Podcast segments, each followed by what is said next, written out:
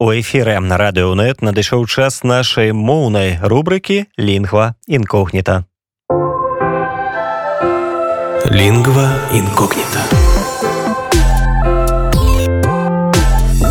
Вітаю паважаныя сябры на хвале радыёнет чарговая праграма пра нашу беларускую мову лінгва інкогніта з вами Андрусь гаёвы.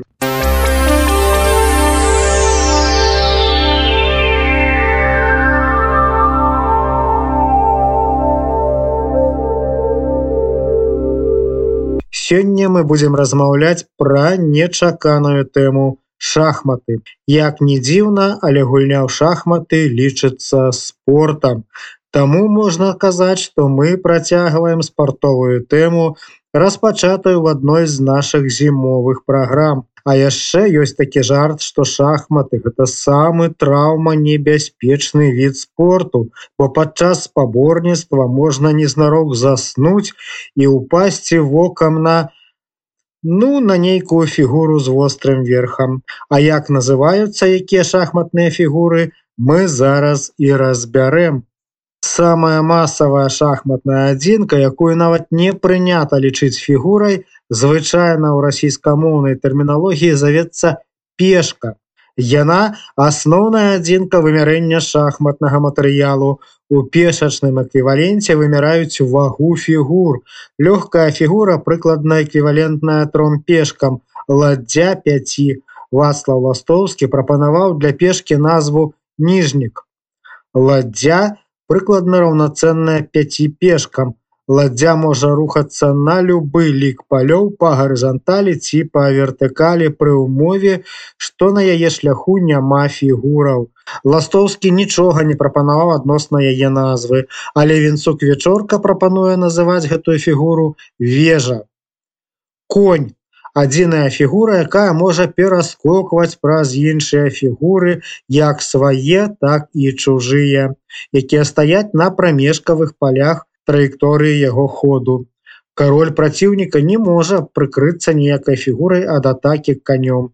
У ластоўскага беларуская назва для гэтай фігуры таксама конь. Слон у розных краінах мае самыя розныя назвы. Блазан у французаў, бягун у немцаў, афіцер у балгар, украінцаў і нярэдка ў рассіі, біскуп у англамоўных краінах. Ластоўскі падае назву вышнік, а вячорка абгрунтовае выкарыстанне назвы вершнік. Ферзь ад персідскага слова ферзен, візір, дарацца. У прастамоўі часта называецца каралева. Самая моцная шахматная фігура. Лічыцца, што матэрыяльная каштоўнасць ферзя роўная прыкладна 9 пешкам. Ластоўскі падае для гэтай фігуры назву краля, а вінцук вячорка спыняецца на назве гетман. Ну і галоўная шахматная фігура кароль. Яго якраз і трэба захаваць у гульні. Трошкі пра гісторыю шахматаў. Калі літаральна перакласці словы шах мат, то атрымліваецца фраза шах памёр. Гэта настольная лагічная гульня з адмысловымі фігурамі на 64 клеткавай дошцы для двух супернікаў, якая спалучае ў сабе элементы мастацтва у частцы шахматнай кампазіцыі навукі ды спорту. І нашыя продкі вельмі даўно ведалі гэтую гульню ды гулялі ў яе. Першыя знаходкі шахматных фігураў на тэрыторыі Беларусі, датуюцца 11-12 стагоддзямі. У шахматы добра гулялі такія вядомыя беларусы як Вітаў, Леў Сапега, Міхал Кляфасагенскі, Кастусь Каліноўскі, шахматам вучылі дзяцей магнатаў і шляхты, радзівілы, сапегі, пацы, вішнявецкія. Пачатак шахматнай гульні завецца дэбют. Ёсць яшчэ і такі тэрмін як ракіроўка, адначасовы ход канём і ладдзёй, пры якім ладдзя прысоўваецца да караля, а кароль ставіцца побач па другі яе бок. Пад становішча ў шахматнай гульні, калі адзін з гульцоў не можа зрабіць ход, не падставіўшы пад удар свайго караля. Шах гэта сітуацыя, калі кароль знаходзіцца пад боем, гэта значыць пад пагрозай узяцця на наступным ходзе. Мат сітуацыя калі кароль знаходзіцца под шахам гулец не можа зрабіць ні аднаго ходу каб яго пазбегнуць азначае пройгрыш трапіўшага ў такую сітуацыю боку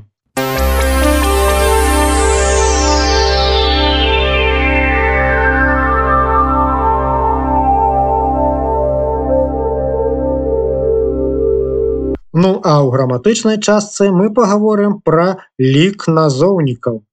У сучаснай беларускай мове захаваліся два лікі адзіночны і множны. Хоць гістарычна іх было болей тры з улікам парнага ліку. Дарэчы, сёння рэшткі парнага ліку можна знайсці ў назвах некаторых парных прадметаў: вочы, вачыма, плечы, плячыма, вушы, вушыма, дзверы, дзвярыма, прыслоўі уваччу вушу таксама адтуль які лічэбнікі нама двума дзвюма абодвума абедзвюма трыма чатырма сёння парны лік можна сустрэць у некаторых палескіх гаворках акрамя назоўнікаў якія маюць адзіночны можны лік існуюць назоўнікі толькі адзіночнага і толькі множнага ліку. Да адзіночна-лікавых назоўнікаў перадусім адносяць зборныя, некаторыя ўласныя, рэчаўныя і абстрактныя назоўнікі. Калоссе, Менск, вада, глыбіня. Тут важна звярнуць увагу на зборныя назоўнікі кшталту пер'е калоссе, якія не маюць адпаведніка ў расійскай мове і ўжываюцца ў літаратурнай мове толькі ў адзіночным ліку. Формы кшталту пер'і калоссі трэба пазбягаць бо яны з'яўляюцца парушэннем нормы да множналікавых адносяцца назоўнікі што абазначаюць парныя прадметы а таксама некаторыя тэрміны рэчаўныя і ўласныя назоўнікі а таксама назвы гульняў абрадаў адрэзкі часу нагавіцы цытрусавыя прысмакі смалявічы хованкі каляды сотні лік нескланяльных назоўнікаў перадаецца праз спалучэнне з адпаведнымі формамі прыметнікаў займеннікаў дзеяпрыметнікаў і дзеясловаў. Дарагое манто і дарагія манто. Вісіць паліто і вісяць паліто.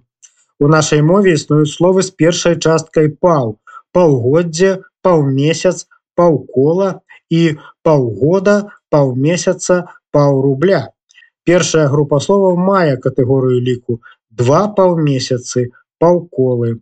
Словы другой групы звычайна ўжываюцца ў адзіночным ліку. Мінула паўгода засталося паўмесяца. На стале ляжала паў яблыка Аднак пры наяўнасці пры гэтых словах азначэнняў характарыстык дзеясловы і самі азначэнні набываюць множны лік. Мінулі цяжкія паўгода засталіся апошнія паўмесяца. Гэтыя паў яблыка некаторыя назоўнікі у з тым самым коранем у беларускай расійскай мовах не супадаюць ліку.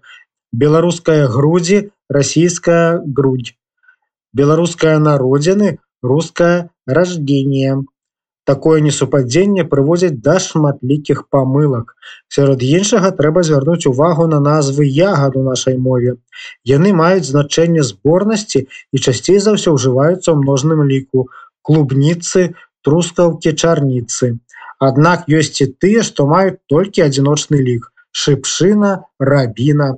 Дарэчы, у народнай мове апошняя таксама часта ўжываецца у множным ліку арабіны. А вось назва адной ягадзінкі мае як адзіночны, так і множны лік клубнічына, клубнічыны, чарнічына, чарнічыны.